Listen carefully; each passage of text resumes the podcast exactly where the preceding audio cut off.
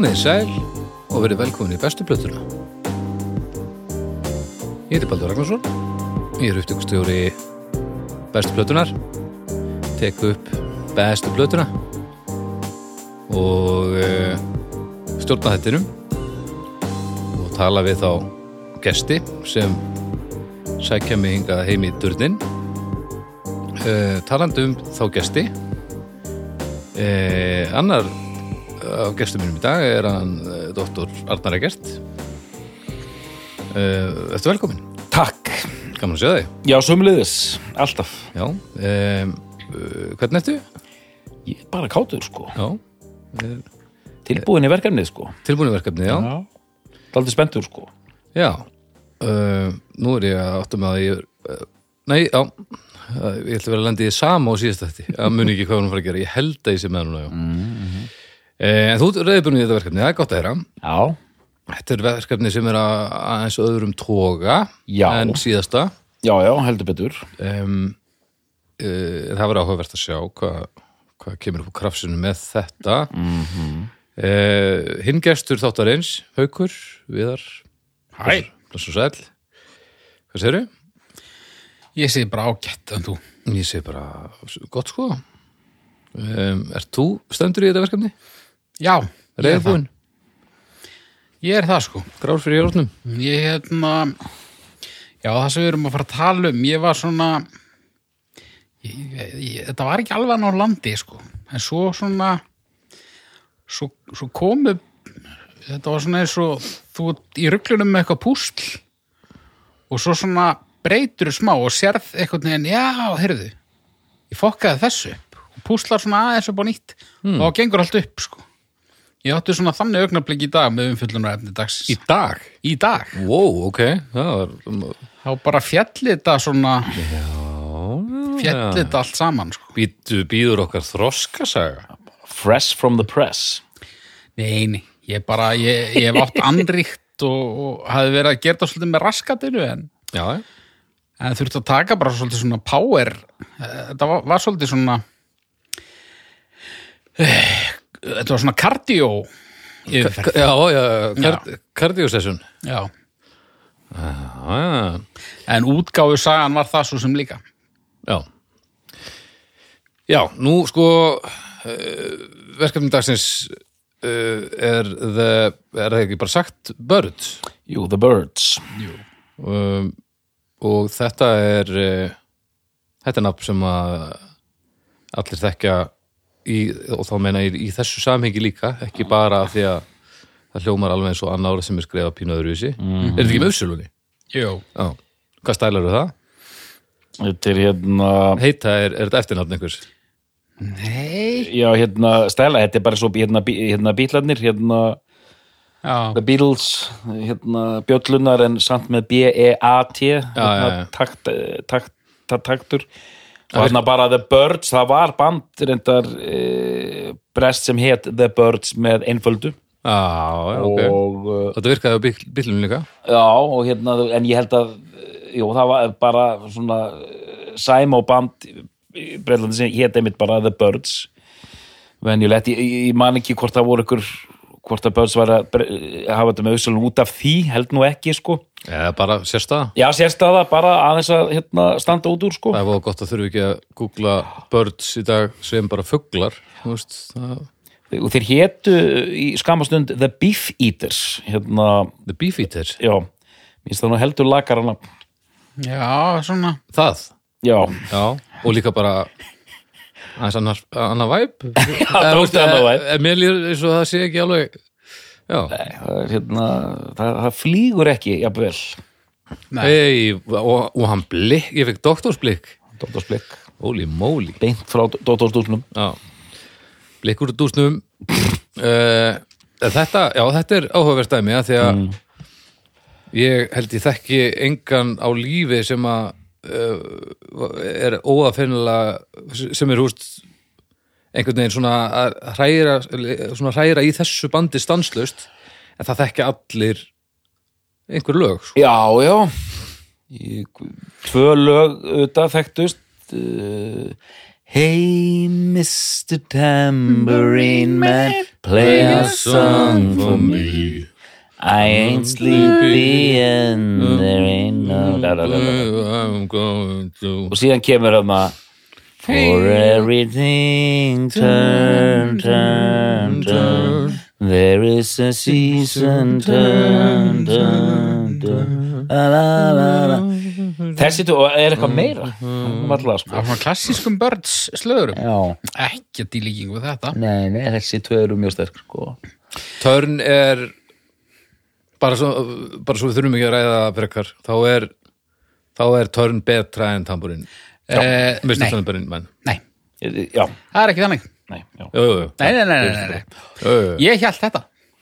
Djúvilligur eitthvað verið utan við í dag. Ef ef það var þetta sem þú komst að. Já, þetta var meðal annars það sem ég kostaði í dag. Ó, haukur.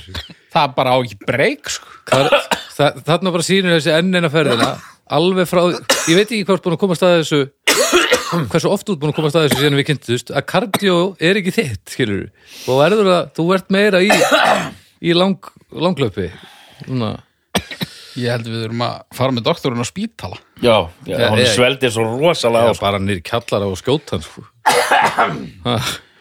En nei, nei, þetta er þetta kólrámt hjá okkur. En, en ég veit ekki, ég veit ekki hvort að mér það er til einhvers að reyna að safara ykkur. Já, en, en fó- fólkið að nútíða hann og sammála okkur dóttunum það er Hvort á var þetta betra, ég var búin að glemma því. Ég er í tambúrínu manninum. Já, ég er ég er í Þú ert í törn, törn, törn já, það er Það er meiri hippa fíla af törn það er meiri hippafíla en þetta er ekki slæm hippafíla.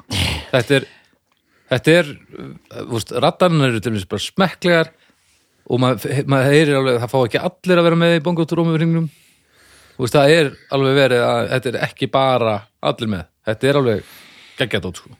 En er, er þetta lag lifandi hérna I probably feel a whole lot better when you're gone. Oh, when you're gone. Da, na, na, na. Að Tom Petty tók þetta lag sko. Ég er nefnilega var að reyna að muna hver tók þetta lag sko. ég, ég, hérna, ég var svolítið nýgræðingur í The Birds en sko það var Hva? bara líku við annað það aftur, The Birds akkur breytist því hérna Þetta er enskur fréttamaður að segja frá Eh, Þetta, eh, nei, ég heyri bara The bu- Þetta er bara svona eins og I'll drink your blood Já. Það væri bara svona eitthvað I want your blood Já, I want little bird Bird Já. Svona, Nei, já. sko, ég kannast við sko annað hvert lag á þessum fyrstu blöðum bara og, og einmitt mig grunaði eitthvað að því væru ábreyður sko. Já, mi, mi, mikið um Dylan ábræður hjá þessu bandi. Já, en, en sko ábreyður annara á þessum lögum líka sko, hvort sem þeir eiga þau öll eða ekki. En hérna Mhm. en einmitt þetta sem þú varst að syngja sko, ég gætt sungið með því og ég hérna, hef aldrei rent þessar plötu. Mhm. en hérna En En sko- já, um, Já uh, Hvernig vil ég gera þetta? mannskapur. Mannskapur? Hvað segir þú Baldur? Á ég ekki að segja frá Heru, eitt, ástæðunni og svona? Jú, Jú. eitt fyrst. Vorum við að ræða því þessum þetta það var bara eitthvað að tala um þetta við mig. Það er eitthvað svona svona eins og hérna Jói Motorhead svona þannig gaurar sem eru kendur í hljómsveitir Já. það er eitthvað svona Gunni Birds er það Gunni Hunni Bird Gunni Birds Varst þú að segja mér á þessu? Ég gæti verið, sko, Gunni Birds er bara svona uh, sko, af þessari kynslu, 68 kynslu og tónlistar áhuga maður, mikill áhuga maður um Birds Þetta er sem sagt, er hann til?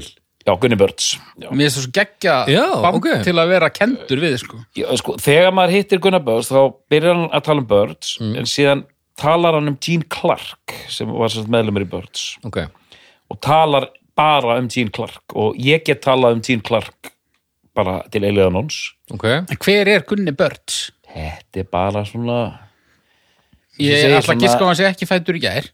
Nei. Ég, Hann er á þessum bara bítla aldri. Hann er ekki fættur í kringum 50 og eitthvað svo leiður sko. Já, og bara svona ja, skemmtilegur sko. Hérna en ég vildi fá að segja sko ég ætla, ég ætla, ég ætla að segja frá einu. Já, hvað með það? uh, sem sagt, við höfum ekki verið með mikið af svona 60s hljómsættum hérna í bestablöðinni Ekki mikið? Nei, við höfum tekið Bítlana við höfum tekið Stones. Hörmanns Hörmits. Já, það er eftir sko. Það er eftir, já alveg rétt, já, að já, já. Við, Þáttur, við, þáttur 800 við komum að býða með að þóngu til haukur kemi En það er bara, ég, er þetta ekki bara þessar tvær? Var eitthvað meira? um, mm, Nei, ég held ekki. Þú veist ekki svona hljómsveitir Ekki- sem maður lítur á sem 60s hljómsveitir. Þú veist, það væri næst, næst ég meita það Birds, Beach Boys, Kinks ef ég nefni þessi stærstu nöfn sko já, en e- eitthvað samtíma dót náttúrulega, en, Hljómar. Já, hljómar, við tókum Já. það. En þú veist, erum við ekki þú veist, Dylan náttúrulega Jú, erum, við tókum til hann alveg rétt. Sko, og mér langaði bara til að henda inn einu 60s bandi, þetta er band sem ég hef hlustað gríðarlega mikið á og þekki bara mjög vel. Ok, þetta er ekki beint hjartaþáttur þetta er ekki svona big country en, en samt er ég, ég er bara mjög hrifin af hljónsveitinni mm. og þetta árætur sínar í því að 99 þá var, voru allar plötuna gefnar út endur útgefnar á geisladiski. Með aukalögum. Mhm. Og ég tók bara ákverðun af því að Birds þeir týndi ekki masterinu sínum. Nei, einmitt, það var allt, allt á reynu þarna. Þessi Columbia sem, sem gaf út. Já, og þetta kom í svona kippum, kannski þrý, þrjár plötur í einu, eitthvað svo leis ok, hvað er þetta margar plötur? það eru tólf plötur ég manni rétt. Já, ok. Þetta er þetta kom út kannski þrjár í einu með mm, voldugum svona liner notes eftir David Frick. Ég kefti þetta bara saminsku samlega las eh, textanans Frick og hlustaði á þetta í döðlur sko. Þannig ég kann þetta algjörlega utan að mm, líka þessar lélugu plötur kann það allar utan að. Ok, og já, langaði bara til að gera þessu skil og bara svona prófa að fara aðeins í, í, þessar áttir sko. Það er nú mín aðkoma að þessu sko. Já. Mm. haukur? bara engin aðkoma. Bara þekki tvo, þrjá hittara kannast upp fullt á lögum. Mig grunnar það sé vegna þess að ég hef heyrt einhverju að taka coverútgáfur. Það er Dylan á megnið þessu regnaði með. Algjörlega, og síðan eru einhver þjóðlög hafna og svona en sko svo er náttúrulega líka annað sem við munum örgulega ræða eftir og það er bara, það er bara áhrifin. Mann heyrir bara svo ofbúðslega þegar maður hlustar á þetta, þá heyrir maður nákvæmlega hvaðan ákveðnar sveitur og stefnur tóku sitt sound. Mhm. En sko ég og Birds eigum okkur bara hreinlega enga fortíð saman.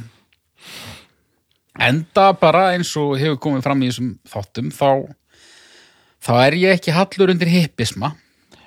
Nei, uh, mér finnst svona hippasull leiðilegt sko. Samt með undantekningum og það var pínu gaman við þessa yfirferð þegar ég komst að því að þetta var minna svona þetta er ekki Jefferson Airplane nei, þetta er ekki fifth dimension skilur Mhm. þetta er ekki hérna blóm í hári hippismi Mamas hérna and the Papas. Nei, þetta er ekki það? þetta er ekki það sko. Nei. þetta er meira cool og mér finnst margt að þessu skemmtilegt. Mhm. en ég er uh, ég er eiginlega að missa Birds sveindómin hérna í, í beinni. En þú ert, já, þú ert ekki hippa megin sko. Nei, en þú hefur verið þarna á Aerosmith hátíðinni sem fór þarna endaði með skelfingu. Þá hefði ég verið svona hefði, það er líklega að þú værir Hells Angels megin en hippa megin. Það þú lík- verið að lumbra á þessu liði. Það er líklegast að ég hefði verið með svona skrifblokk að skrá menn í herin. Já, það getur verið. Svona þessi, þetta er algjör amlóði. Já, já, já. en hérna og Birds voru bara svona örstuðt að hérna já, svo Haukur segir, þeir voru cool. Þú veist, þeir voru meira cool en Beach Boys til dæmis. Meira svona bíll feelingur í Birds. Já minna, minna náttúrulega Beach Boys eru strax svona það er strax svona væp já, já yfir því. Það er svona, þú veist, lúkið á Birds er svona, þetta er svona blanda af Stones og Beatlum svona fimm töffarar og geggja lúk, þetta er bara svo mínus eða eitthvað sko, bara svona gengis ára yfir, og geggjaður slaki. Já. Þú veist, eins og Beach Boys, það er bara frá fyrsta degi er það bara voði. Já, já, með fullri virðingu fyrir Beach Boys sko, Já, já. sem er er ljómandi band sko, en, en- eru alveg voðalegir. Já, þetta gekk ekki allt, þetta var ekkert gert í róleðutunum. Nei, og, svona, og, og, og áhrif börns eins og svona þetta var þetta var rosa mikil áhrif á þetta nýbylgjurokk í 80s sko, dísu sem er í Chain og eitthvað svona bönd sko. Já, já, já. voru, þú veist, þessi indie bönd þessi ensku indie bönd er bara, þetta var bara börns hérna bara carbon copy sko. Já. og svo bandariska late 80s, early 90s jungle poppið, já, háskóla radio, já Dótið. eh, rem til dæmis og þú veist, allt þetta tólfstrengja gítara já, hérna klingjandi gítara sko, þetta Já, er já, svo sko. er þetta komið yfir í, hérna, hvað er þetta? Nei, já, og, og þetta, myndi við var mikil og, og, einmitt, og, þetta, langt, sko. og þetta fólk þetta þjóðlega rock sko þetta Já. er allt, allt, allt frá þessum en ég eh, sko uh, bandið verður til í Los Angeles Mhm. 64 og þessi, þetta eru menn sem eiga allir smá fortíð. Já, þeir voru allir straight edge til að byrja með. Hmm. Nei, þeir voru það ekki. Þess að, Þetta var brandari hjá til já, já, ég er bara, hérna þeir sem sagt, eins og Chris Hillman bassalegari, hann hafði verið í einhver svona blágreisis hljómsveitum ok, Gene Clark hafði verið í einhverjum svona svona einhverjum svona stórum svona harmoníu söngböndum sko eins og King Singers eða hvað þetta heitir allt saman. Já, svona semi nánast eins og trúalegt sko hérna þannig að þeir eiga þe- þessi gaurar átt allir fortið einhverjum svona venjulegu þú veist sveitaballa eh, dæmi sko mm. og þú veist einhver bluegrass böndum sem voru bara að spila á einhverjum svona hérna einhverjum sveitaháttiðum sko Mhm.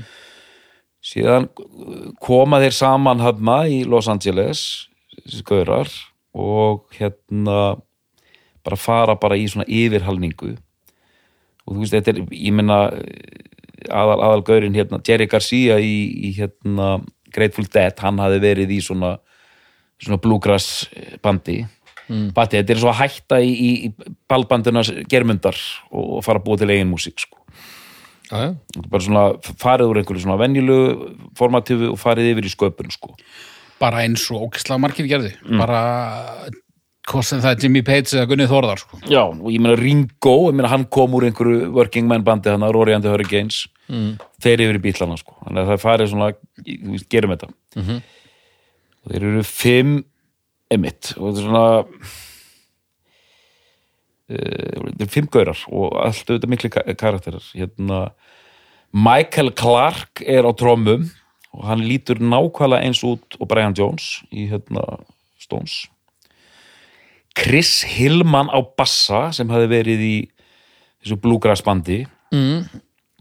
Gene Clark sveita piltur sem á einhver tíu sískinni eða eitthvað líka ok, aðfluttur frá bara einhverju mið ríki bandaríkjana mm. David Crosby einhver svona pattaralegur sveit já. kemur hann inn og hérna Roger McGinn sem hétt Jim McGinn til að byrja með og hann svona syngur og spilar sér að mestuleiti um þennan tólfstrengja gítar og þetta eru allt eh, svona myndarpiltar. Og hann er myndalegur þarna, hann Crosby. Hann var alltaf myndalega hann er alltaf myndalegur, já, já. Hérna, það er rétt aukur hann, hann var allatíð myndalegur. Þetta er okkar besti maður sko. og hérna og, það, og, og þeir fara í svona bara ímyndar yfirhalningu og gerast bara bítlatöfarar kaupa sér bítla stígvel -hmm. og bara er að sjoppa einhverjum demóum hann á milli og kemur út plata 65 sem heitir Mr. Tambourine Man -hmm. og þar er blanda af svona Dylan coverum og frumsömdu lögum mjög sterk lög eftir Gene Clark sem er svona mitt uppáhald í, í þessum hópi af lagasmiðum. Og síðan eru hinnir eitthvað sem ég líka en, en Gene Clark er svona mikil yfirbyrða maður á þessari fyrstu plötu. Með alveg sturlu lög eins og að fíla Hollow Better og hérna Here Without You sem er svona myrkra ballaða mikið snildar, snildalag sko. Ok, og þessi plata ég ætla kannski að hafa það svona sp- spennuleik að hérna það er eiginlega þrjár plötur sem koma til greina sem besta plata börn sko. Mm. fólk auðvitað, spennuleik, fólk auðvitað sér hvaða plötu ég búin að, já, þú ert að velja, er ekki? ég er að velja sko. En, en, en ég er sammála, það eru þrjár. Já, alveg þrjár sko. Og hérna og ég mun enda já, það séstu þetta ég, bara, ég sérst endaði á ég endaði á fyrstu plötunni. Mm, sem er ekki bólaval sko, hún er ekkert endilega uh, nefnd sem besta plataðan þeirra en það er fyrir mig, það er bara einhver svona heildrætt tótnarna sem virkar. Það er bara svona hún er keirið í gegn einhvern megin með þess að ótrúlega cool hérna gítar og auðvitað þessum harmoníu röddum mhm, þessi samsöngur er bara dásamlegur. Og svona þetta er svona þetta er svona englasöngur sko. Þetta er ekki. Þetta er engin ákefð eða neitt þannig sko. Þetta er bara svona kó- kórsöngur einhvern já, veginn þetta er svona, já, svona e, það er nú það er einhver aðal en svo er hitt hugsað sem held, það er. Já. þetta er ekki þetta er ekki keppni, sko. Og, einmitt, og það er bara rattað í öllum lögum. Og uh, og fyrir mig sko hún er bara mjög heildstæð platan flottu henni góð lög, hvort það er ábreyður eða, eða frumsamin og bara briljant stöf sko, mér finnst hún svona hún stendur svona uppi sem besta plata börn sem er eiginlega furðulegt er að hafa náð þessu í fyrstu tilurinn sko. En hún kemur út 65 þessi plata, já, hvað segir þú ykkur? bara frábær plata. Og hún kom einnig til greina hjá mér sem besta plata Birds og hérna sko það sem gerðist í rauninni hjá mér var það að ég var búin að hlusta á fyrstu fimm plötundar um, mér fannst margt að þessu skemmtilegt það var einhver svona var einhver hindrun samt sko. Ég var að hlusta á það mikið í headphoneum og ég vissi það náttúrulega með svona hard panað 60s já, já, stereo að þú er að því er ekkert að vera með bara yfir öðru eiran sko. þá ert í vesinni. En þetta var, mér fannst þetta allt eitthvað svo umt sko. en svo sett í dag þá bara ok, nú ætlum ég bara nú ætlum ég bara að rúlla þessu svolítið skarft sko. Og, og var skipt yfir í hátalara sko. Mhm. Og þá bara einhvern veginn svona lifnaði þetta allt við. Mhm. Og ég fór að pæla þessu líka bara í samhengi við bítlana, þú veist. Jafnvel þú sett með yfir báðum eirum bara alveg bara allt hæfæið í heiminum sko. Mm. það verður eitthvað pínu svona verður eitthvað pínu svona rólulegt sko. Svona hó, hólara já, en svo einhvern veginn ert komið með bara í hátalara þá kemur einhvern veginn krafturinn og þá einhvern veginn svona binst þetta saman mm.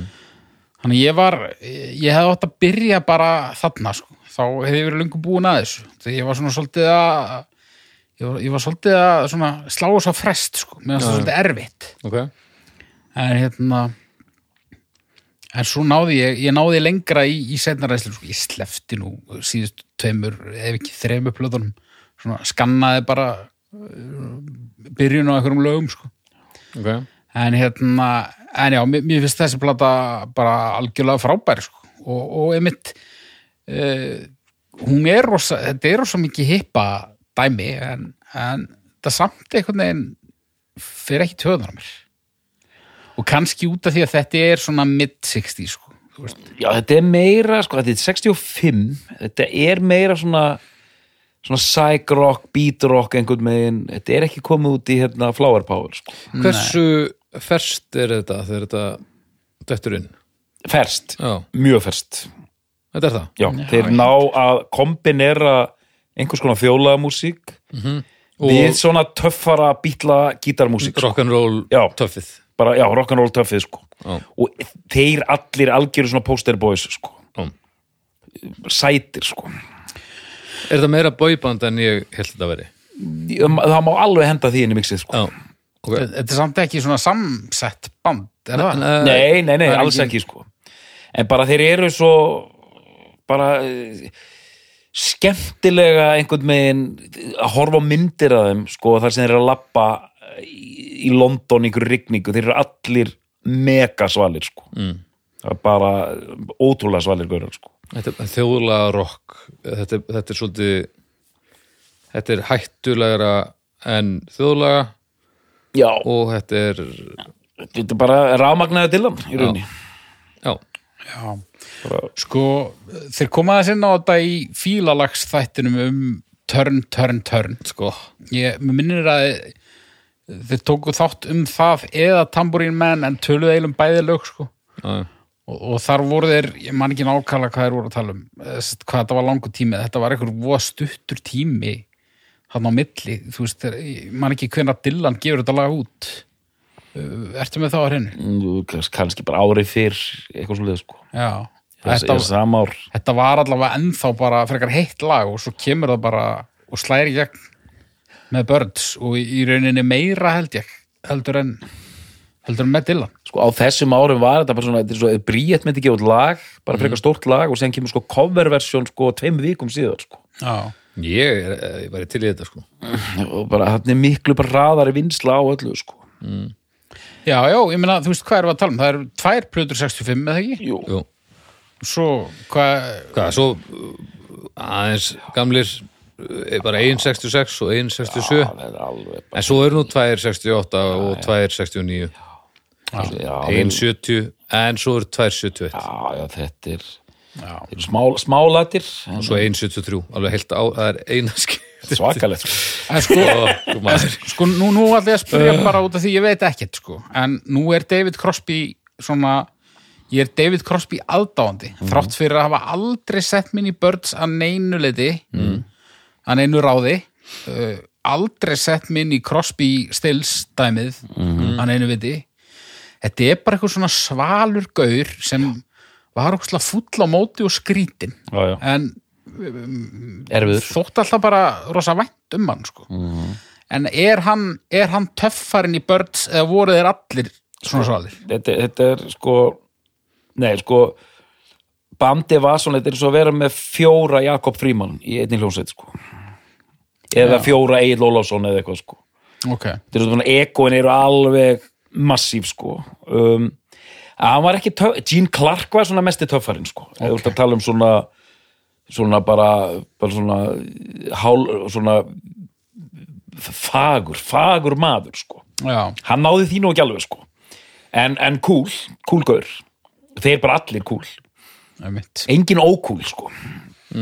Engin, engin off því er ekki að vera með lúðulaka Nei, og, og en, engin lúðulakar hann og hann bara flottur sko. Og hérna og þú veist, hann var mjög sterkur lagasmiður hann að inni, Gene Clark var mjög sterkur lagasmiður.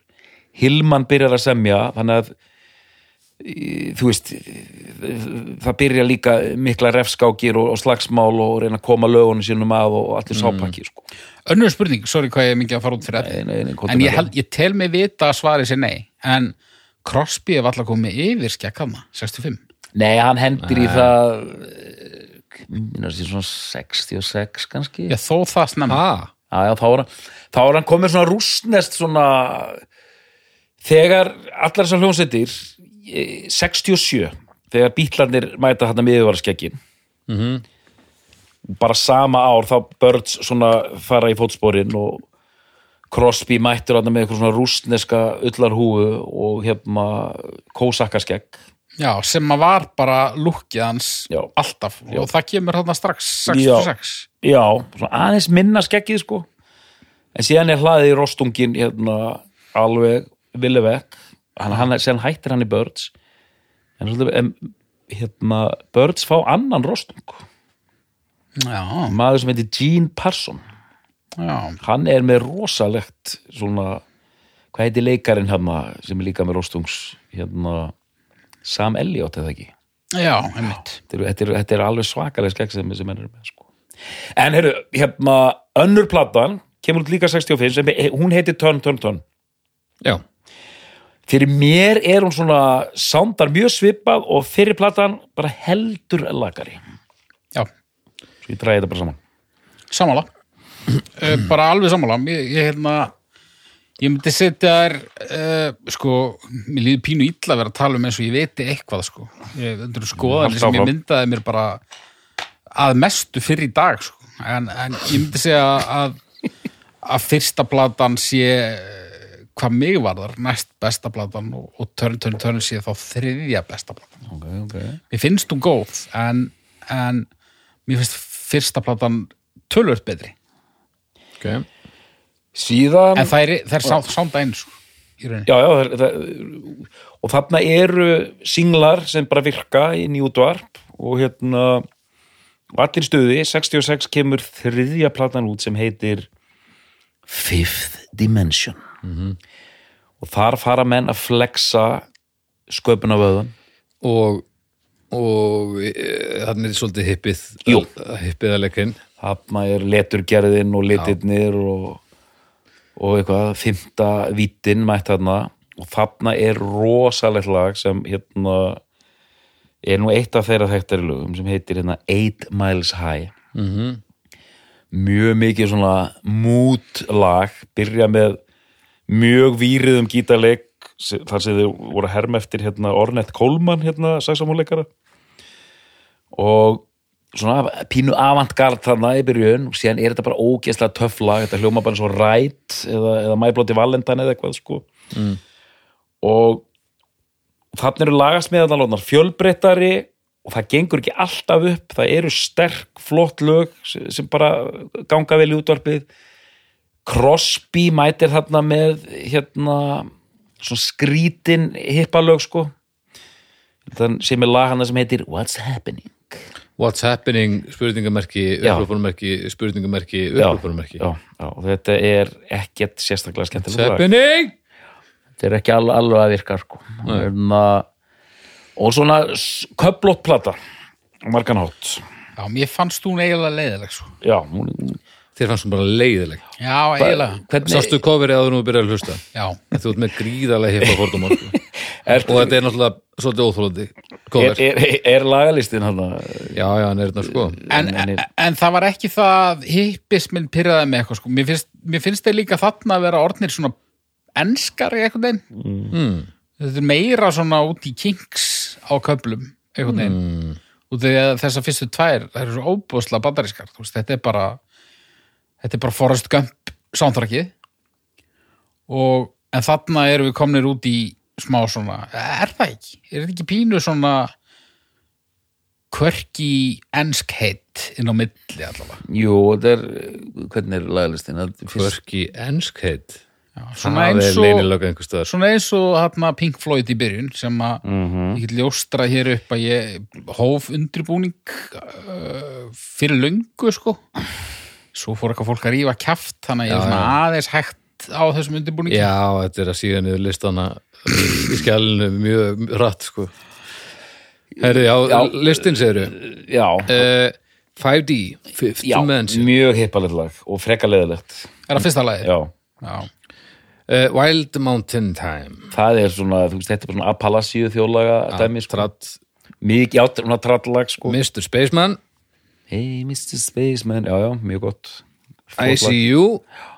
I see you, já, já, þetta er svona heisi hip, hippadæmi mikið, sko. Já, og svo er hérna What's Happening? Ríkalegt, I Come and Stand at Every Door. Já, já, þarna er aftur komið svona ennst þjóðlag. Það er er skrifað hérna á, á hérna uh, hvað, Nassim Hikmet sem En- þetta er eftir eftir tyrtneska ljóðskáldið og, og já, En í þeim lögum sést Skrifa mjög, he, í þessu lögum heyrist mjög vel hvað eru frábæra söngvara, sko. Geggjaðar rattir, sko, rattanir, sko. Hlið A er búinn. Mm. 8 miles high, geggjað, það er opnar býr hlið. Hey Joe, where you gonna go? Ekki góð útgáfa. Okay. crossbísingur. Hver er skrá, skráður fyrir því lagi? en þarna er mitt fer maður að heyra Billy Roberts. Nei. Þarna fer maður að heyra einstaka sinnum lög sem að hafa svona ábyrjandi fórsöngvara sko. já, einmitt, þeir eru farin að kleima lögin sín. Já, og mér finnst það oft leðilegra Crosby er orðin svolítið frekur hann, sko. Uh, Captain Soul. Já, það er slaftlag uh, John Riley mm og 242 Foxtrot. Það er, þetta er bara eitthvað grín. Heyrðu, doktorinn hatar blöðuna. Já, Nei, a- a- rosalega pyr, pyrraður Gu- Gunni Börd sá eftir að býða hérna. Já, fyrir utan. Það er að býða hérna fyrir utan. Með barefli. Hann er bara í sturtu botninum bara.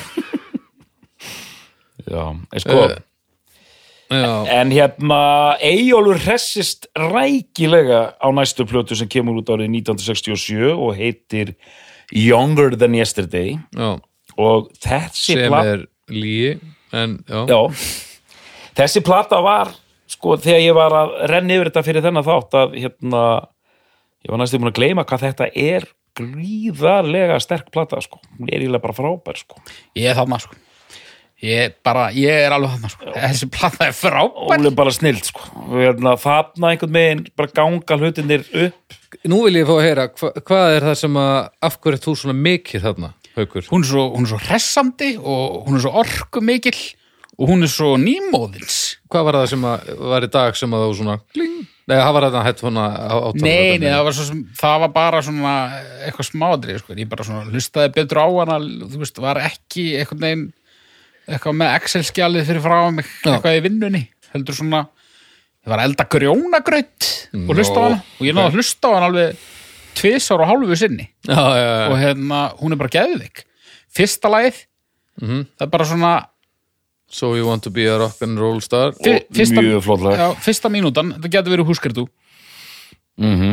já, já, þetta er alveg bara já, já, og geggjaði texti sko svo ég vorum bara rock- rock'n'roll star, já, sem kemur have you seen her face? Have you seen her face? Já, La la la la la la la la la la. Hljóma súpa, Já, svona já, skemmtilegt. hljómasúpa, ætli þeir hafi verið með það í stúdíun tjón og djúlega pottið það hafi og pínóþólundin samt, eh, samt ekki bara. Eh, CTA 102 ógeðslega flott lag og bara CTA 102 mjög sniðut lag þar sem geimverur riðjast inn í lagið undir restina. Já, það er, það er, það er maur að síra En veitu, hvern, hvernig var aftur lagið? Það var skemmtilegt. CDA 102 Já. La la la la Na na na na na na na. Einfald, já. Uh, Renaissance Fair. Það er besta lagið með Birds. Já, Djöfull er þetta gott lag. Ha? 1.51 það er allavega veit og gott. Styrsta lagi á plötunni. Brilliant stuff. Það er svo gaman að heyra svona Maður er aldrei heyrt. Mm. Og ég bara, ég var, ég var orðinn svo gýraður Já, Ég náði að hlusta á plötuna tvisar á hálfu sinni En ég náði að hlusta á þetta lag svona tólf sinnum. Uh, Time Between. Þarna er Hillmann, bassaleikari að lauma inn svona country áhrif mm -hmm. geggjalag. Frábært lag. Og á þessu lagi er komin Clarence nokkur væt sem er mikill gítarvirtuós og hann áttur að koma meira við sögu setna hérna, frábær gítarleikari sko. Clarence uh, White já. hann dó í bílslisi hérna ungur Nú. þetta var mikill, mikill snillingur Ég glemd að segja mig lagið á undan, líka saxofóninn já, Hvað er hann að gera það? Hann er frábær þetta er bara þetta er, og það er talað um plötu frá 67 eins og Sgt. Pepper og uh, Piper at the Gates og Donald en þessi, þessi plata gleymist sem eina af þessum sterkustu plötum sem kom út þannig 67 sko. Þú vil verið pyrrandi að vera helviti góður í þessu og svo er maður bara samtíma maður byttlana Já, nákvæmlega að Þetta er ekki sangjart Eða sko, Djöfull- uh, er þessi plata 67? Já, Er Sgt. Pepper 67? já, Sko, ég, mér, ég meira gaman að þessari sko, Sgt. Pepper sem frábær en ég hérna það er alveg lög á henni sem ég frekar leiðileg sko, en það er ekki sem ég Haukur. veist Þess, þessi er En mjög er að segja hlustundum hvað lög á Sgt. Peppers eru hundar að því að Nei, ég man, vil langar mikið til þess ég er ekki með lagalistanur hennu sko, ég get sko ég á Sgt. Peppers sko, ég held að þessi eina bítlaplatan sem ég á fysikal inntak af sko á séti sem að ég hlustaði á ekki í rauntíma, alls ekki en, en sem unglingur Mhm. það er svona sennilega svo bítlaplata sem ég þekki best okay. og hún, hún, er ekki, hund- hún er ekki hundalaus Nei. en hún, hún er heldur góð já, já, hún, já, er en eitthvað þessi í plata er alveg hundalaus fyrir utan gemveru flippið hama er það? Já, mér finnst það geggjað sko. Okay. síðasta lagið á þessar hlið Everybody's Been Burned Þetta lag er algjörlega sturla Þetta er lag eftir David Crosby. Þetta er Crosby, já, Þetta er svona hægt svona Everybody's been burned before. Everybody knows the pain. Ógæðslega gott lag Geðvegt. okay. Við snúum um hlið Nú fer ég að hætta mun eftir lögum, sko. Thoughts and Words Thoughts and Words, já, þetta er svona Hver semur þetta aftur? Þetta er, Þetta er eh, Hilman líka ok, já, já, já Hann á alveg þrjú, fjögur lög á plötunni sko. Er og neða, fimm, hann á- semur já, hann er með fimm lög á plötunni sko. það er nú telist nokkuð gott mm. Mind Gardens Það lag, þetta er skelvilegt lag Eftir David Crosby Mindgardens, ég sko, ég, ég man, er sko... ekki hvað það er, en mér fannst ekkit leiðilegt lag á plötunni, sko. Mind Gardens er svona hippismi sinnum 200 Þetta bara lag er Þetta er held ég eitt versta bara lag sem ég heilt sko. þetta hljómar ekki eins og glemdur hann hlusta það? Nei, En þetta, er, þetta lag er algjörlega off its time. Þannig eru menn að uppgöta eitulif og, og, og það er mikil harmonía og þetta lag er eitthvað svona, þú veist, there was a garden, la la la la la la, þetta er svona algjört hippa jól, sko. En uh, ég fyrirgef Crosby flest. Það, hann, að það þurft að gera eitt svona lag, sko. já, það fáið smá Dylan uh, My Back Pages Já, mjög gott. The Girl With No Name Country, country lag frá aftur frábært Hillman. lag. Frábært lag. og svo uh, Why? Lokalag. Algjörlega geggja lag. sem McQueen og, og Crosby. Þetta er bara ógeðslega flott lag. Keep saying no to her since he was a baby.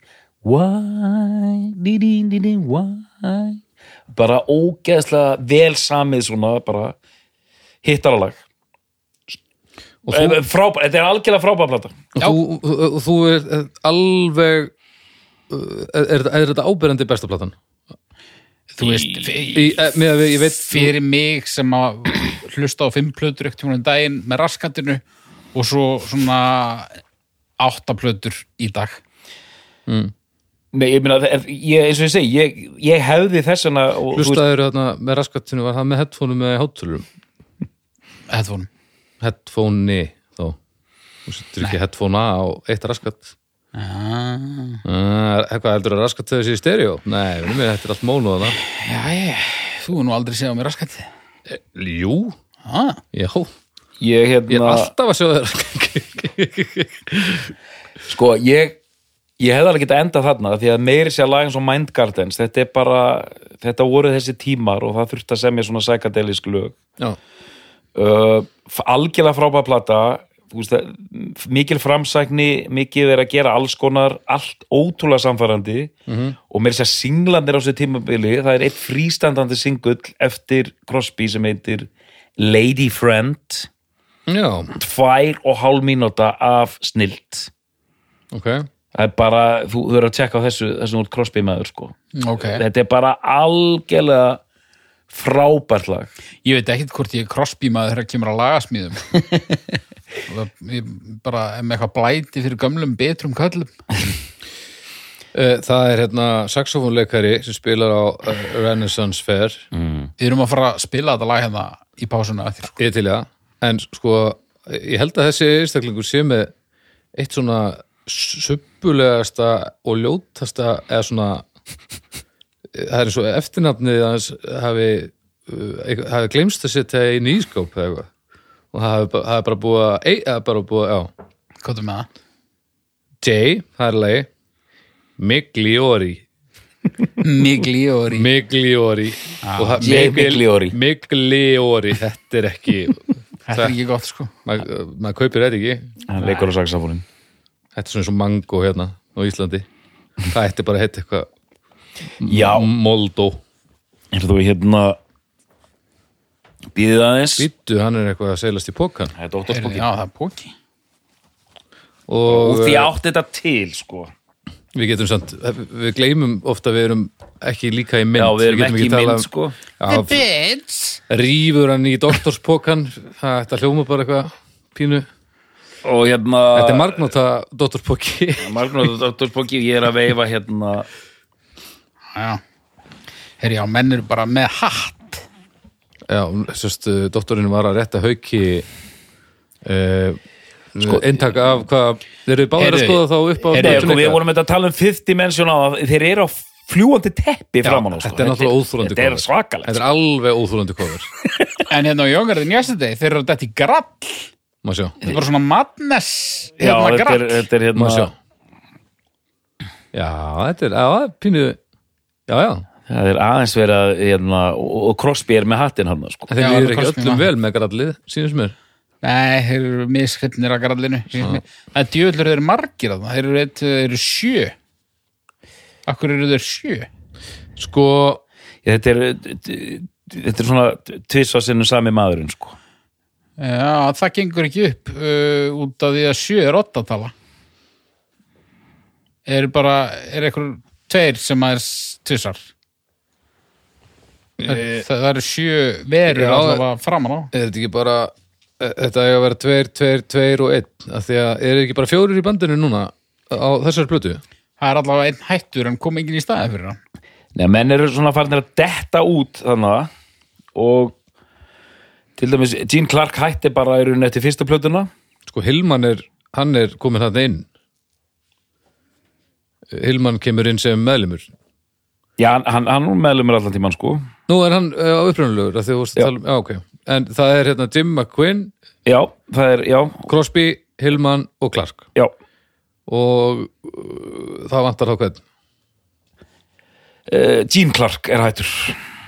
Þeir eru bara fjórir annars fjölklörkun, já Það er Michael Clark er trommarinn sko. Já, já, já, já, já, já. Sko, hefur síðan fer sko Ok, Youngin Yesterday láta að duga um hana.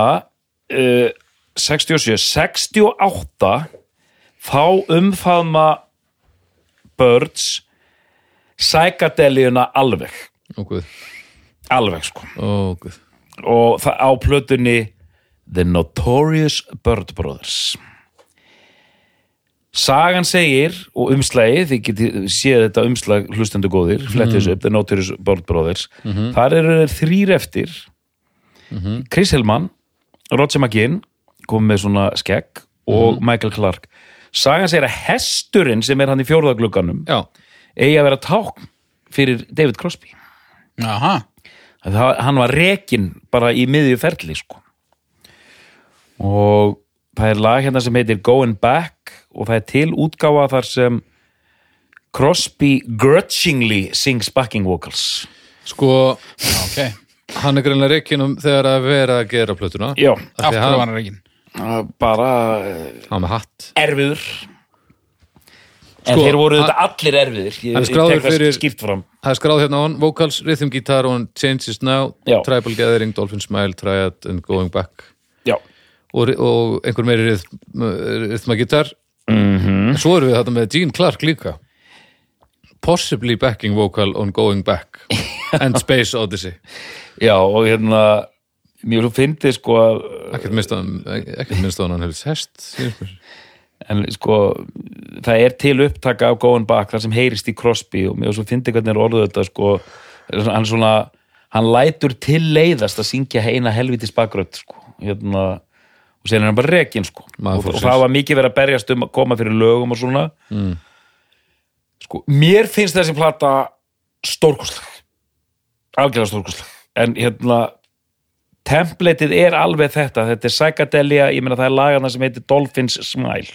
Það segir kannski það segir kannski ímislegt og hérna uh, hún er pínu hún var fant að dóma þegar hún kemur út. Já, já, ég ætla að segja framhlæningur nei, það er svona síðustu, allir sem er að dæma eru líka við síðustu þrjúlaugin er svona hún, svona, hún er ekki framhlæningur en svona, já, bensínið er búið svona eftir miðja hlið tvö, sko. Hversu mikið hippa dót er þetta þegar síðustu þrjú lögin heita Tribal Gathering, Dolphins Smile og Space Odyssey?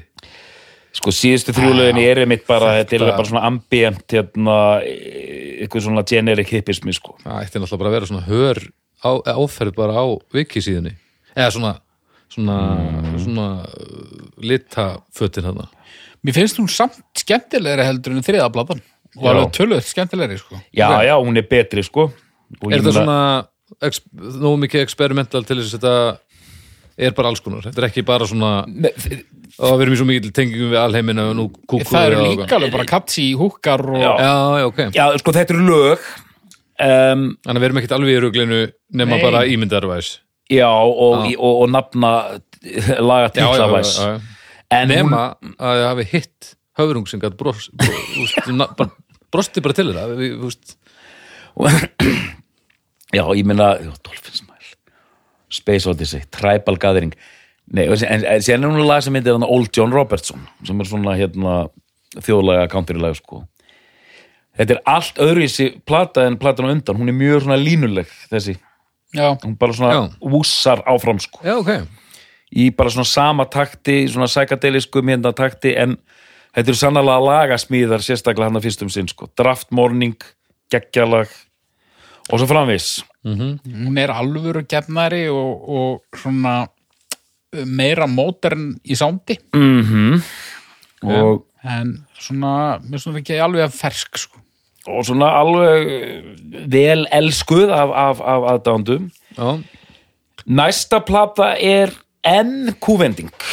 Mikil kúvending. Ég var að sjá coverið. Mm -hmm. djöfull er, nú er country. Nú er nú er country. country gott. Nú er, nú er countryð bara gjössamlega nú er íha. Það er bara íhaf, það er bara vaðið inn bara, ta- taking the bull by his horns sko. það er bara það eru bara hérna stígvela spora, hjóla sporin og all, alla græður sko. Já, vélnautið alveg Já. á 150 Pældi í þessu, bara, bara fullkomlega sko. og, hérna, úr pontsjónu bara á vélnutið og það sem gerist er að bandi svona flosnar upp eftir Notorious Bird Brothers mm. og það er ungur maður sem er ráðinn inn í bandi sem píjónuleikari heitir Graham Parsons Gram Graham Parsons og hann er kallar til sem faðir country rocksins Já, hann kemur hann inn í bandið og tekur sko yfir bandið sko. kemur hann sem svona auka hljóðfæraleikari tekur bara bandið yfir og sannfærir þá um að við eigum að spila svona country rock Mm. og það er bara gert þannig að þeir bara svona fall in line og hérna þessi plata er oft talin svona fyrsta alvöru country rock platan. Mm og þetta eru tökulög og lög eftir þá. Og lög eftir gram, frábær lög. En út af einhver svona réttindadóti þá var ekki hægt að hafa röddina hans inn á útgefnu plötinni það þurfti að bakka því öllu. Ég veit ekki hvernig það virkaði sko. Það er alltaf Nei. eitthvað svona einhver svona syngur- monkey business sko. hann syngur eitthvað samt sko. Hann syngur eitthvað sko, það var eitthvað eftir en hann átt að syngja megnið af plötunni en það þurfti að bakka því öllu út af einhverju lagadótar í sko. Ok, hver þessi er, plata er stórkostleg sko. hver er Kevin Kelly? Kevin Kelly, trommari, Já, frændi Graham Parsons. Ok. Og hver er hann er- Roger McGinn er hann inni. Uh, Já, og það er lítið og Hilman Já, og Hilman. Og Hilman var mikill countrybolti þannig að hann var ekki ekki ósátur Nei. En platan er alveg geðveik sko og rosalega bara heilsteift og flott og, og rúlar ótrúlega vel. Þetta er stundum hef ég talað um hana líka sem bara bestu börnsplötuna sko. En hún, þetta er samt ekki börns eins og fólk þekkir börns sko. Þetta er allt En annað band. að það er samt alltaf snildalegt að band geti vaðið úr einum stíl yfir í annan og aldrei sko lett fullkomlega andlitinu. Því þetta er bara magnað, ég meina Younger Than Yesterday, ógeðslega flott svona 60s plata, síðan kemur Psychedelics plata mjög flott, síðan kemur Country Rock plata allt bara neglur sko. Mm. ekki vandamálið sko. Hvar varst þú? Mér finnst bara mjög leiðileg Já, ok.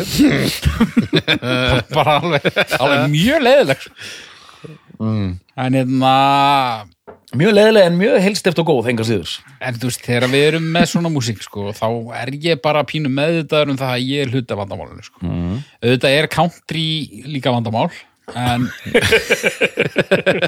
en ég er mögulega meira vandamál uh, en nei, nei, þú veist að eh, þetta er vel gert margt af þessu og, og mér fannst ekkit svona veist, ég var ekkit brjálaður sko, en, en En þú fílar ekki músíkina Já, veist, sjálfa það var ekkit svona sem svona kallaði á mig neitt sko. en mm. Ég verð pínu brjálaður þessi uh, coverið Það Þetta er óþúlandi já, Þetta er mjög country. Eitthvað Sweetheart of the Rodeo. En sko, nú erum við að tala um plötur sem ég hlusta á í fyrsta skipti í dag, einu sinni. Já, en uh, þú, ef þú hefur ekki sagt okkur það, þá myndum við ekki vita Nei, þú, þú Og, og jafnvel þó ég hefði hlusta á hana fimm sinnum, þá er ég ekkert vissum að ég væri að tala um að hún var eitthvað snild, sko. þú er ekkert komið hérna á hesti þú veist, þetta er En allavega, uh, og bara góðsagna kent plata í, í rocksögunni og fyrir þe- þessa brúun á rocki og country. Já, hún kemur út 68 Og eftir þessa plötu, Já. þá fer nú gamanið að kárna. Já, Að því að restina af ferlinum, Graham Parsons hættir fyrir að hanga utan í Rolling? Stones. Já, hann hættir. Einmitt, hans líftími í bandinu var mjög stuttur. já, hann tók bara þessa plötu Já. Hann og Hillman og líftíminn hans var sinni mjög stuttur. Líka það. Já, hann deyr bara fjórum múnum síðar. Já, er hérna, ég held að hann sé jafnvel í, hann næsti í 27, 27 Club, Það var ekki 26 gaf út tvær, þá er hann í röð. Já, já, hann er 26 ára. Já, það getur verið, sko. held það. Já, Hann gaf út tvær soloplötur, 73 og 74, sem eru bara brjálaðar, svo, eh, geggjaða plötur, ok. Hardcore svona country rock. En? Hardcore country rock. Hardcore country rock. Up the Honky Tonks. Og hérna uh, hann og Hillman hætta í Birds og stopna band sem heitir The Flying Burrito Brothers. Já, Gene Clark er í á sóloferli það er allir út um allt þarna en Roger McGinn, svona gerist skipstjórin Mhm. ræður uh, mannskap. Mhm. og það koma út fimm plötur viðbútt sem eru slappar. Frá því að vera slappar yfir í eh, svona sæmilega burðugar, getur við sagt. Þetta er nú ekki ég get ekki gefið þeim betri dómið þetta sko. Ok og ég ætla bara, bara skauta hans yfir þetta fyrst kemur hérna Dr. Bird sem Mr. Hyde Gene Parsons, já Gene Parsons er komin inn, hann spilar á trommur og, og mandolin Já, uh, John York á bassa já, og hérna Clarence White er á gítar og Roger McGinn Mhm. uh, og Dr. Þetta er doktorinn að gera blaðlust. já ég, ég ég, ég, ég leit svona upp og var að sjá hvort að hann væri með síma eitthvað stöður eitthvað? Nei, nei, hann Heyrðu, er, hann er búin að skrifa inn í lóðan. ég er leitur á hann dúskurinn er svindldúskur þú skrifa þetta svona litla rönd í dúskinum sko. Uh, og þessi plata er bara nú, nú eru mennfarnir að blanda alls konar saman, það er, það er rock það er eitthvað svona smá gospel, það er eitthvað country og bara gæðin í lagasmiðunum þeim fer bara að hraka þessi snillingar eins og Crosby og Gene Clark eru bara farnir þannig að þetta er svona verðum meira bara svona vinnu, vinnumannaband sko, spila á tónleika og plötunar eru ekki burðuður sko. þessi plata er bara svona uh, lala sko. og er þetta svo bara country svona stundum country rock og fara dálítið út í það en svona ekki jafn hardcore svo ég notið það orð og á svítandóttir út í sko. þetta er bara svona bara hvað er að gera strákar? Er, er þú með lag, er, er þú kannski með lag? Og þú veist þetta er svona vandræðagangur sko. Þetta er svona árabátur sem að er að sökva og, og það er einn maður með majónis dollu að Mm. reyna og gott ef eh, go, og það er þessi maginn er það ekki? Jú, jú, jú já, það, það er maðurinn með, með majónistólluna og, og ég, mér minnir að sé á þessari plötu það sem er lagið Fido er Já, hundur um hund hei, mjög gott. Já, þetta, þetta lag er svo vond að bara þetta er ja, eðlilegt sko. Næsta lag er Lin My Lamp og eftir því, þannig að þetta er já, Þetta er alveg ríkalt sko. Hérna, Síðan hérna það er trætt sko. önnur plata eh, kemur síðan hérna The Ballad of Easy Rider. Já, já, það, já, Fætó er á henni sko. Já, shit, já, hún var mitt. Fætó, Pító Já, Fido, já. Uh, Ballad of Easy Rider kemur síðan hún er svona svipuð en ekki mikið af þetta. Síðan kemur plata sem heitir Untitled. Já, það er metnaðurinn í sögulega já, langi. Ná, já, nákvæmlega og, bara, og það var þannig, það var ekki þetta frétta. Þar er komin þá er komin komið line-up sem helst út ferilinn, það er þetta, Roger McGinn Clarence White, Gene Parson og bassarleikari sem heitir Skip Battin skip batinn hann mætir þarna og semur lög á samt manni sem heitir Kim Fowley. Kim Fowley var svona svengali og umbásmaður sem meðal annars stóð að stofnun hljómsveiturinnar The Runaways hérna kvennasveitin sem hérna John Jett hérna var í. Var þetta perrin? Já, Perrin, Perrin sko. Og eh, lögin eftir Fáli og Battin eru hræðileg sko. Þetta eru svona 50s pastís lög sem eru bara skelluleg sko. En þessi plata Untitled, þetta er sko hljóðvers útgáfur og live. Og þann, þetta er eiginlega besta platana því að stúdíó hliðin eða stúdíóplatan á þessari tvöföldu plötu er, er bara nokkuð gótt sko. Okay. Uh, síðan kemur Bird Maniacs á eftir sem er versta plata Birds, þannig er allt komið í skrúuna royally sko. En besti plöðutitli já, Bird Maniacs Birdmaniacs Já, og hérna, það eru dauðagrímur utan á hérna umslæðinu sem kannski segir, segir eitt og annað um, Mér finnst það fínt. Það er bara, það er bara flott. En það er alltaf Já, það er oft svona merki um uh, lífuróður eða þú ert farin að nota hendin X í nafni á plötuninni svona bara þá veistu að það er ekki allt að ganga upp. Já síðan kemur sko lokaplatan já, þessu liði heitir Farther Along. Hún er svona snögtum skári en Bird Maniacs. En menn eru alveg þrótaðir með, meðal hann sér rótarinn þeirra dregin hérna inn í hljóðveru og látin syngja eitt lag sko. Já, gamla triksi gamla triksið. En það er samt einplata síðan uppbútt Já, sko, síðan hætta börn þarna 71 og síðan er gamla bandið hóa saman í 73 73. Já. Það er orginal kvintetin, sko. Crosby og Hillman og Clark og, og allir þeir galallarar. Og svo plata er, er köflótt, sko. Já, Gene Clark er líklega með bestu lögin, sko. Um, og þetta er svona útgáfu sagabörns Já. hljóðvers skip, skipnalega mm. en bara ég, ég veit ekki hvað ég að segja mér ég, get, ég geti talað með þessar hljómsveit bara næstu sólaringarna sko Já e, Heyrðu, ef ef að gera það? næstu sólarringana Næstu Þrjá, fjóra. sólarhringana. þrjá fjóra Af Því að það væri element of surprise klálega, ég held að fólk sér hvað þátturinn langur, bara nei, getur ekki verið Ha, fjórir? Líka ég hef ekki geta sagt neitt í svona tímíndur Bara alveg búið með bensinni já, já, ég var líka að fatta, ég er búin að halda einræðið henni í tíu mínútur er hvað segir þú? Já, það er flott sko, en þess að ég vandrækti þessar síðustu plöður alla harkalega sko. Sko, hvað finnst þér Birds vera mér? í stóru saminginu? Já, uh, ég get líka hérna uh, ég ætla bara að segja hérna eftir að hérna skýt því að hérna áður en ég sett stóra samingið að má ég það Baldur, segja hans frá sóló, Eh, sólóferðið þeirra. uh, grænt, grænt, Grænt, ok, takk, takk. Þeir eru verið gefið, gefið grænt ljós. Gefum græntljós, sko síðan fara þessir menn í alls konar kombinasjónir, sko. Þú veist, eh, Hillman McGinn og Clark gefa út einhverjar plötur saman. Crosby gefur út sólóplötur á fullu. Mm. Gene Clark gefur út sólóplötur Roger McGinn gefur út sólóplötur þetta er allt svona einhverju svona eh, þetta er allt stærðir í dægutónlist eftir þetta sko Já, Meina, David Crosby er nafn já, já, og örgulega, stærra nafn er Roger McGinn vantarlega, sko. Já, já.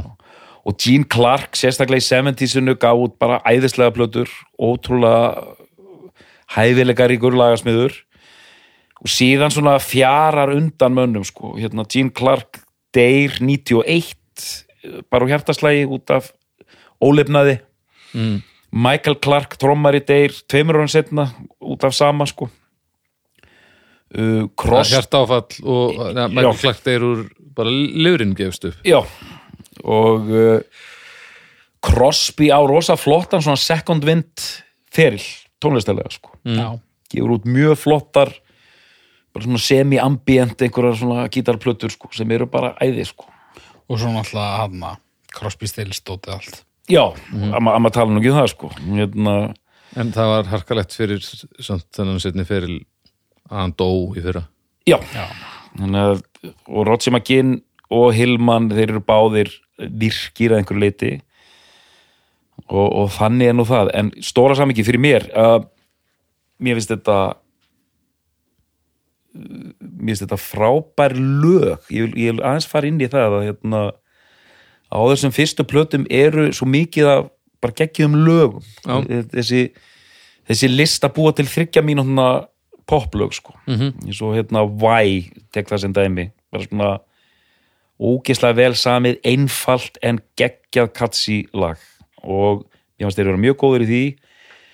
Og það, bara þetta er svolítið einstakt band veist, með þessar hérna, rattir og þennan klingjandi gítar En þú veist, eru það lögin og lagasmíðarnar sem að sitja eftir eða er það það að hafa brúað og þett ennþá meira saman þessa heima sem er rock'n'roll og þjólaðafílingurinn og hvorugt og bá- og báðir aðeilar sáttir sko? Já, bæði sko. Og í rauninni countryið setna meira en já, það er kannski ekki það er allavega ekki það sem ég Nei. hugsaði um vitandi ekki mikið sko. En þeir, þeir taka þetta inn sko eins og byr, þeir þetta byrjar með svo þjóðlaðdæmi taka inn þetta Woody Guthrie og Pete Seeger og þetta hardcore þjóðlaðdót Já, og, setja það í rockbúning fyrir okkur já. sem erum að hlusta á útvarpið. Er það, hvenær tekur Dylan rafmaskítarinn? það, það var svona, hvenar var hann rafmagnar 65, 66, svona svipa leiti sko, Já, minni mig sko. Ég, gott að það var ekki 66 sem hann stakk í samband sko. Um, síðan auðvitað, ég meina það, en þeir þessi Sweetheart of the Rodeo var risa frétt að kynna ro, síðhærða rockara fyrir country sko. þetta var alveg, þetta voru algjörlega tveir heimar. Já, bara- country svona íhaldsamur, hérna, sveita, sveita heimur og, og rocki svona borgar hérna sítt hárdæmi. Mhm. uh, þetta en síðan sko sem gleymist kannski bara þú veist, þessar plötur eru bara sapn af tólf lögum eða kollega Mhm. og svo platan sem haukur velur þetta er allt svona lög sem eru bara skemmtilega vel samin fjölbreytt þeir geta gert svona þjólaðadót, geta gert country geta gert síru Mhm. uh, geta rockað og hérna það er ekkert andamál sem finnst mér bara svo merkilegt þú veist, verandi einhver svona gamall indie hundur að lesa Melody Maker sem, að sá ekkert fyrir en löngu setna allar þessar hljómsveitir Rætt og hérna Oasis og Tísu Mari Chain og allt þetta dótar í Mhm. var bara svona Birds hérna, and the Bunnymen allt þetta dótar í sko. Var bara að- að jingla og jangla sko. Maður sér hann hérna Will Sargent hérna í Echo and the Bunnymen upp á sviði og hann bara lítur út eins og einhver Birds meðlumur sko. Já, og líka þessi, þessi 90s alternative Mhm. uh, þú veist það, Já. hvað þetta heitir bara Gin Blossoms og, og þú veist, sáleggur allur. Já, hérna ameríska college hérna Já. dæmið. Mm það er svo, þú veist, ég vissi alveg að þetta kæmi þaðan bara út af, bara, það, það er bara í nafninu bara jungle pop. Já, já, en, en ég vissi ekki að þetta væri svona skilt svona mikið skilt lagasmíðalega mm en þetta er það sko. Já, bara hvernig lögin hérna hljóma. Já, og þú, þú hlustar á þessar fyrstu remplötur eins og mörmur og allt þetta, þetta er bara mikið börns í gangi já, sko. gítarinn alveg bara algjör börnsgítar sko. maður heyri stundum XTC já, Smiths. Já smiðs Smiths alveg, alveg. Smithereens. Smithereens, já. Þannig að sko mikil áhrif og, en, en ég held við erum að tala um þetta núna ég held að þetta sé svolítið sko ef ég tala um krakkana mína, háskólakrakkana Birds og Kings, þau veit ekkert hvað þetta er sko. Ekki Nei. neitt. Kannast yfir lögin ef ég syng, syng þau fyrir þau sko. Já, já. en ekki mörg lög. Nei, og, og oft, svo er líka bara ágætið stöfumputaregla ef það er lag frá þessum tíma og þú kannast við að þá e, á dillana líklega. Það er eða, ekki dol, óhugsandi. eða dolly.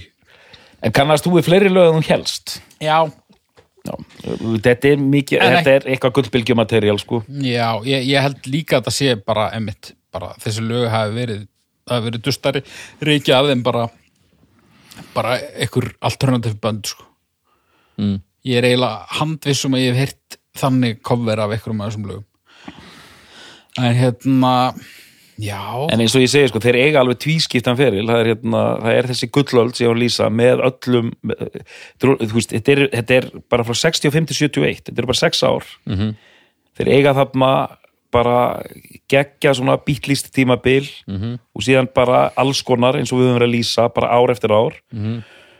en síðan sko, veist, þessi setni er, þetta eru bara ekki góða plötur, sko, það, það er alveg hægt að sleppa þessu sí- síðustu plötur En urðu þeir sem voru í bandinu einhvern tímann svona alvöru óvinnir eða þú veist, þeir virtust að geta hist þarna aftur 73 mm -hmm. og var þetta bara þannig að menn fóru þá bara að gera sitt af því að það var enginn upp á það bandið komin beint af því að þetta var allt sem á hann hæfileika fólk eða? Já, ég meina þetta var þessi sólóferðlar bara skýrast út af því að ég meina, já, menn áttu bara erfitt með að vin- vinna saman, sko. Já, en, en, ekkert samt ekki þannig leiðindi að veist, ég ætla aldrei að tala eftir eða símat eða eitthvað, þú veist, þá er bara svona er, ég ætla að endra mig til hlis og svo bara að því að svo er hægt að vinna saman aftur setna sko. Já, þetta, sko, David Crosby, hann var nú heldur góður í að- að að breyta vinum í óvinni til lífstíðar. Já, en ég veit ekki hvort að börnsmennir voru þar, sko, akkurat. En hann, hann var alveg Dave Mustaine erfiður, sko. Næ, já, já, já, hann var mjög erfiður, sko, og hérna, já, já, en e, alveg þar bara. svona, svona freðin Mustaine. Það, það er til vídeo Ok. af Graham Nass, Crosby, Stills, Nass og Young, Já. sem hann bara hafði eruðu alger vinslit millir Crosby og Nass. Og milli Crosby og Jón já, Nei, já, og jú, bara allt brjálað. Og Nass sem er svona enskur heiðursmaður Já, hann sagði bara, hann sagði bara hann var brjálar, brjálar út í Crosby sko. Mm. sagði, sagði bara eitthvað svona setningu eins og uh, too, too little too late buddy. Bara eitthvað svona. Já, og bara svona rifrildi og þetta var jú, jú, það var þvers og kruss ekki talað í einhver ári síðan þeim var smala öllum saman hann að 91 á hérna, einhver gra- hérna, rock'n'roll hall of fame dæmi sko. Já, sko Crosby var algjört hérna já, hann, hann var mjög aktífur á Twitter svona undir restina sko. og hann var mjög aðgengilegur á Twitter. Og hann var ekki svona am, ekki jafn svona ambient eins og plötutunars meira, nei, næ, og þú veist bara einhverjir Crosby fans, þeir gáttu bara vel fengið hann til að sva- svara sér og, og jafnvel espa hann upp í rifrildi sko, sem var heldur svona gæri að vera hafnir yfir sko en hann er mitt sko bara, bara einhver gaur bara já hérna mynd sem ég mála að þér ég var í hérna 80 hérna, daga að mála hann ekki fín?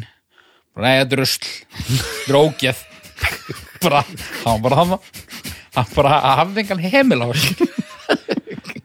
svo þú veist var að vera trulliður og þá kom eitthvað svona afsöngna beðinni með raskatinu svona, að já, jú, ég var kannski svolítið leður hann var bara alveg ómögulegur sko. en ég held að hann hafi alveg verið með svona hjarta á réttum stað en hann bara hann var bara eitthvað aðun mér, mér heyrist mér, einmitt, mér, þetta hljóma menni svo hann sé ekki með hjartaður í réttum stað en ég held að hann getur að reyna að vera tólulegur það bara kom spurningu sal. Já, þú veist, ég held að hann hafi ekki verið vondur maður. Nei, hann, nei, var bara, hann- var bara kól ómögulegur. Hann las greinlega ekki vel salin eða í aðstæður. Nei.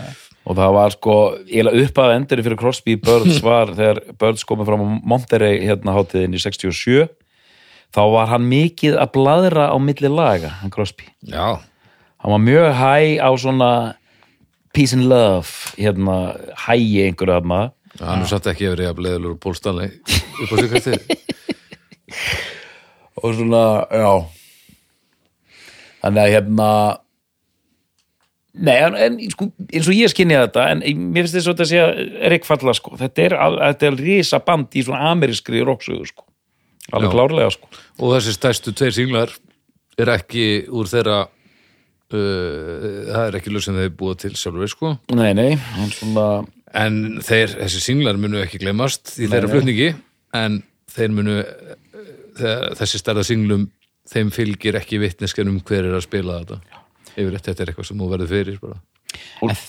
Já, hvers Nei, ég ætlaði bara að segja, það er líka sko ef við erum að tala um þetta tímabil, þetta rock mm. Ameríkuleggurinn er hann er miklu minna fílaður já. á Íslandi sko þú veist menn eru bara bítlandir Kings, neð, Kings, Kings og Stones og eitthvað mm.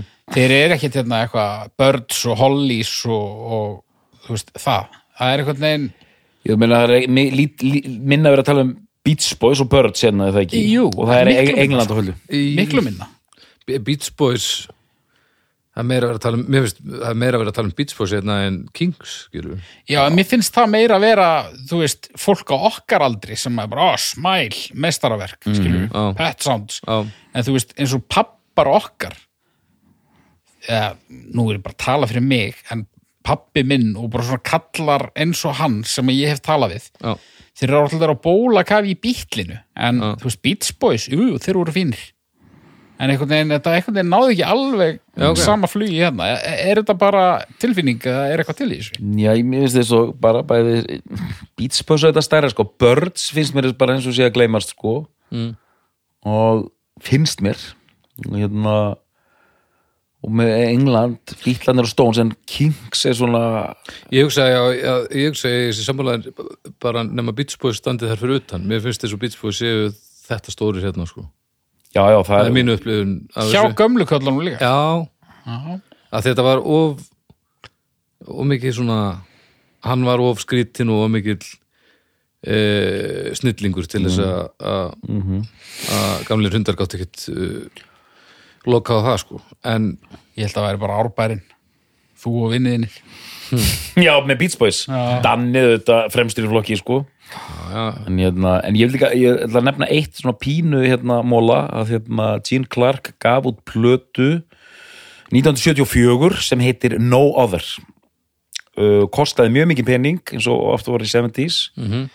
seldist ekkert, allir brjálaðar í plötufyrirtækjanu, hvað hann eitthvað miklum peningum í þetta Mhm. Og allt, allt á söðu punkti og hann verður rosa þunglindur og finnst þetta ræðilegt Mm. og platan selst ekki neitt og síðan verður svo plata þegar framleiðast undir svona köld plata meistarverk og hún er meistarverk þetta er bara einn besta plata sem ég heirt og bara, hún er bara algjörlega geggjuð mm. það og var það mikið köldæmi að yngri tónlistamenn mm. svona nýbylgju hipsterar eins og söngvarinn hafna í Fleet Foxes Robin Pecknold já.